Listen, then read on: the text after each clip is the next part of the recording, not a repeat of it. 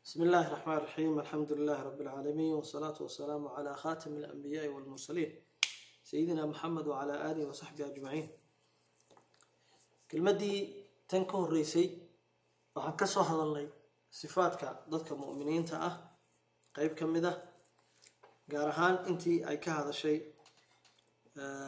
labadii aayadood ee suurat alanfaal aan ka sheegnay ee ka bilaabmaya inama almu'minuuna aladiina ida dukira allahu wajilat quluubuhum waida tuliyat calayhim aayaatuhu zaadathum iimaana wacalaa rabbihim yatawakkaluun.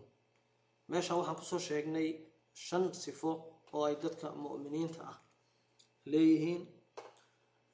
Sidaan hore u sheegnayna sifaadka mu'miniintu intanuun maaha. Waa qeyb ka mid a qur'aanku meelo badan oo kale ayuu kaga hadlay haddii fursaduhu inoo saamaxaan waan ka warami doonaa haddii ilaa idhaahdo qeybaha kalena. Waxaa ka mid a sidii ay ka warantay suurat lmu'minuun qad aflaxa almu'minuun aladiina hum fii salaatihim khaashicuun oo laga warramaya dadka salaada iyo sifaadka mu'miniinta iyo siday salaada u tukadaan iyo khushuucda iyo magaranaysa sifaadkooda. Halkaa laysdabageliyey ilaa toban sifo wax ku dhow maanta laakiin waxaan jeclaysanay inaan dhammaystirno intii maalinta dhaweyta aan ka hadalnay oo ahayd inaan shan sifo sheegnay. Shantii sifo haddaan isxasuusino waxaan idhi waa dad aladiina idaa dukira allahu wajilat quluubuhum waa kuwa ay qalbigooda ilaahay cabsidiisa ay dareemaan. Marka la xuso ilaahay oo maxay u dareemayaan ilaahay weynidiisa iyo ma garanaysaa khaaliqnimadiisa iyo ma garanaysaa raasiqnimadiisa iyo in waajibkii ay saarnaa sidii la rabay aanu u gudan. Xumaantii iyo ma garanaysaa wixii lays amray in laga tegana ay ma garanaysaa jihaad naftooda kula jiraan inay ka tagaan saa awgeed baa marka idaa dukira allahu wajilat quluubuhum waa kuwa ay quluubtooda cabsanaysaa le waidaa tuliyat calayhim aayaatuhu zaadathum iimaana waa kuwa marka ay aayadaha ilaahay maqlaan ee lagu akriyo amba iyagoo akhristaan amba lagu dul akriyo iimaanba u kordhayo u ziyaada.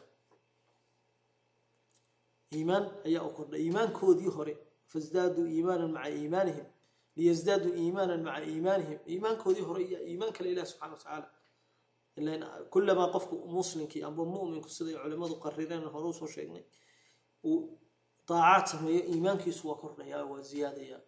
Kulamaa uu macsi sameeyo iyo xumaan sameynaya iimaankiisu waa nuqsaamayaa sida ay qabaan jumhuurta culimada muslimiintu. Waa sida saxdaana. Sifada saddexaad waxaan nidhi inay yihiin waidaa tuliyat calayhim aayaatuhu zaadathum iimaana wacalaa rabbihim yatawakkaluun. Waa kuwa ilaahay tala saaranaya oo arrintooda iyo umuurtooda u dhiibanaya ilaahay subxana wa tacaala. Soo sidaa maaha qofka muslimkana waa midda laga rabo inuu ilaahay subxana wa tacaala arrintiisa oo dhan u bandhigto oo uu tala saarto aladiina yuqiimuuna asalaata wa mima rasaqnaahum yunfiquun. Labadaa sifo ayaan markii dambena haddana sheegnay oo tii afraad iyo tii shanaada kuwo salaada oogaya sidii laga rabay u oogaya zakadana bixinaya iyo wixii kale ee waajib ku ah iyo wixii mustaxab ku ahba bixinaya. Ilahi subxana wa tacala wixii ku arsaaqina wax ka bixinaya. Oo magaranaysa wixii xuquuq loogu leeyahay bixinaya. Haddii ay tahay mid ku waajiba iyo haddii ay tahay mid sadaqo oo mustaxaba ama ma garanaysaa aan waajib ku ahayn shantaa sifo markaan sheegnay arrinta aan maanta rabna inaan ka hadalno waxa weeye shantaa sifo markii ilaahay subxana wa tacaala ka hadlaya qur'aan ka warramay natiijadoodu maxay noqotay? Bal hadda in yar halka aan dul istaagno runtii waa arrin la yaab leh. Shantaa sifo markii laga hadlay natiijadii waxay noqotay in loo qiro mu'minnimadii oo la dhaha kuwaasaa mu'miniina in ma la ammaano in ammaantiina haddana loo raaciyo abaalmarin ammaan iyo abaalmarin isla socota. Waa meesha ugu sarreysay ee qofka marka la sharfayo lagu sharfo qofkii oo la ammaanay oon haddana ammaantii oon lagu dayn ee ma garanaysaa haddana la abaalmariyey oo la yidhi waxanaad ku heshay ma garanaysaa acmaashaadii iyo shaqadii aad qabatay iyo intanaad ku heshay. Natiijada koowaad waxay noqotay sida aan sheegnay in la yidhaahdo ulaa'ika hum lmu'minuuna xaqaa. U fiirsada walaalayaal kelmadda xaqaa kuwa weeyaan kuwa mu'miniinta ah ee iimaanta iimaanka dhabtaa laga helay. Iimaankii dhabta ahaa ee eebbe subxaana wa tacaala rabay kuwa laga helay waa kuwaas. Sifaadkaa la soo sheegay kuwa ku sifoobay ayaa ah kuwii mu'miniinta ahaa ee dhabta ahaa. Ila xagga hore waa tii aayaduhu inama almu'minuuna waata adaad xasri la geliyay sida culimmadu yidhahdaan waxaa mu'miniinta oo keliya ah kuwa sifaadkan leh mu'miniintu waxa weeyaan kuwa sifaadkan leh oo xasri iyo magaranaysa halkaa la geliyay marka natiijadii baa la sheegay waxa la leeyahay kuwa sifooyinkaa ku sifoobay ulaa'ika hum lmu'minuuna xaqa. Iimaankii baa loo qiray. Ilaahay subxana wa tacaala oo iimaanka kuu qirana. Ma weyn baa jirta. Insaanku waxaad aragtaa marka lagu yidhahdo ma garanaysaa? War nin wanaagsan baa tahay qof kaloo insaani ku yidhahdo ayaaba ma garanaysaa? Ballaadha oo kala badbataa oo ma garanaysaa? Maxaad umanayn ilaaha xaqa ah ee weyniga leh ee akoonkan iska leh ee ma garanaysaa qaadirka oo yidhi oo kuu qira ma garanaysaa ammaantii iyo ma garanaysaa waa tafadulan minhu subxaana wa tacaala. Allahuma laka alxamdu ulaa'ika hum lmu'minuuna xaqa kuwaasaa ahbalel mu'miniinta dhabtaa sifaadkaa laga helo. Hore waataan u sheegnay ee nidhi ujeeddadaan u sheegayna sifaadkan een uga jeedna waxa weye bal inuu qof waliba miisaanka isa saaro inuu ku dhaboobay iyo in kale haddii aad ku dhaboobdina inaad ku mahadnaqda ilahay ood halkaa laga sii wado. Haddii aan lagu dhaboobinna in ma garanaysaa markasta miisaan iyo ma garanaysaa laga dhigto meel laysku qiyaaso halbeeg laga dhigto oo kolba la ydhahdo war sifaadkan maleehay mise melihi rag iyo dumarba waa mid laga rabo. Markii la sheegay natiijada noocaasee ah in iimaankii loo qiray ayaa haddana waxaa la raaciyay in la ammaano. Ilahi subxana wa tacaala ammaano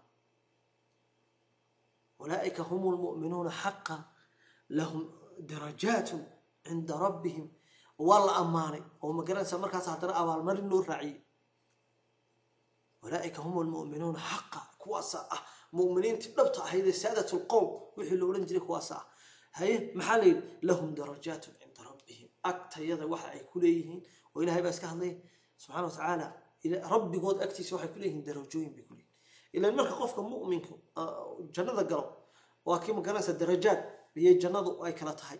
Nabigu salawaatu ullahi wasalaamu caleyhi noo sheegay halka ahlu naarkuna darakaad ay kala hooseeyaan oo midba midka kale uu ka xun yahay ka sii hoosey iyo dadka muminiintuna midba midka uu ka wanaagsan yahay. Fas'alu llaha alfirdows alaclaa waa kii rasuulku salawaatu ullahi wasalaamu caleyh haddaad ilaahay janno weydiisanaysaan weydiista firdowsa oo meesha ugu sarraysa ah jannada markaa saasay u kala sarreeyaan darajaad jannada ah ayay ku dhex leeyihiin oo kala sarsareeya. Oo weliba halkee cinda rabbihim. Waataan imanka sheegin walilahi almathal alacla haddii uu ku yidhahdo maanta nin meel haysta amba meel xukuma amba madaxweynaha waddanka haddii uu ku yidhahdo kursi baan agtayda kuu dhigaya halkaas agtaydaad adigu mudnaanta koowaad baa kusiiya halka. Waxaa laga yaabaa qofkaasi inuu seexan waayo intaasoo habeen uu kala badbato uu farxad magaran ilaaha subxaana watacaala qaadirka ah walilaahi almathalu lacla marka uu yidhi cinda rabbihim. Darajaadka ilaahay agtiisa ayay ku leeyihiin maxaad u maraynaysaa odan waxa weeye arrin aanan ka dambayn guul guushaasi ka dambaysaay ma jirto. Waa darajaad. Hum darajaatun cinda allah. Waa kii ilahi subxana watacaala meelo kale ku odhan jira wallahu basiirun bimaa yacmaluun. Markii darajaadkaa la siiyey ee ma garanaysaa mu'minnimadii loo qiray iyo haddana waxaa la yidhi oo aayaduhu ay raaciyeen lahum darajaatun cinda rabbihim wa makfiratun ilan jannada ma garaya nin ma garanaysaa dembi lagu leeyahy wax alla wixii dunuubtoodii oo dhanna waa laga soo tirtiraya. Dembi dhaaf. Si uu jannada u galo qof nadiifa oo saafi ah oo ma garanaysaa haba yaraatee wax korkiisa min anaqaa'is wadunuub shay dushiisaasi saaran uuna jirin. Markaasuu noqonaya la wa makfiratun buu ilahi subxana yiri dembi dhaaf bay ku leeyihiin min rabbihim ilahay xaggiisa ka ahaatay malaag hadda inta la soo celinayo magacii eebe subxaana wa tacaala waa sharaf iyo mudnaanshaha lasin cinda rabbihim baa layidhi moogta wa makfiratun min rabbihim baa haddana layidhi moogta ugu dambaystii haddana maxaa lagu abaalmariyay nimankii sidaa la wa makfiratun min rabbihim wa risqun kariim meeshii ugu dambaysaa la gaarsiiyey markii darajaadkii la siiyey mu'miniinmadii markii ugu horeystii loo soo qiray ee la dadkaasaa mu'miniina ee ma garanaysaa haddana la dee siiqada carabtaa fahmaysa bay yidhahdeen ulaa'ika hum lmu'minuuna xaqa bilisaanin carab iyo dadka ma garanaysaa de carabiga ilaahay subxana watacaala haybad ambe hibo eeba u siiyey fahamkiisa. Iyo meeshaasi macnaha ay xambaarsan tahay fahmaysa leanno carabta waxay dhahan ba la yidhi fulanun shaacirun xaqa. Haddii la ydhaho war ninka hebel waa nin gabayaaya. Haddii la dhayo iyo haddii la dhaho waa nin gabayaaya. Xaqa dhab ahaan waa nin gabayaaya macnuhu aad bay u kala duwan yihiin marka markii taa la soo yidhi ya loo soo qiray iimaankii ee darajaadkii haddana la siiyey iyaa la yidhi magaranaysa haddana cinda rabbihim iyo min rabbihim haddana la yidhi iyaa la yidhi wamakfiratun warisqun kariim. Waxay leeyihiin risq xagga eebba ka ahaaday oo mudnaansho leh oo sharaf iyo karaamo iyo maamuus leh ayay leeyihiin. Runtii waxaad moodaa kelmadaa gaaban dee macnaha aayadaha kuma soo koobi karno. Laakiin intaasaan jeclaysanay inaan isku baraarujino qof waliba markuu aayadaha sida ugu fiirsaday oo u akriyo wuxuu is leeyahay talow kuwaasi ma ka mid noqon doontaa? Dee maanta adduunyada la jooga oo la rabaa inuu qofku u shaqaysto oo uu sifaadkaasi uu ku dhaboobo si magarat waa meeshan waxa macnaha guud ay ka dhigan tahay.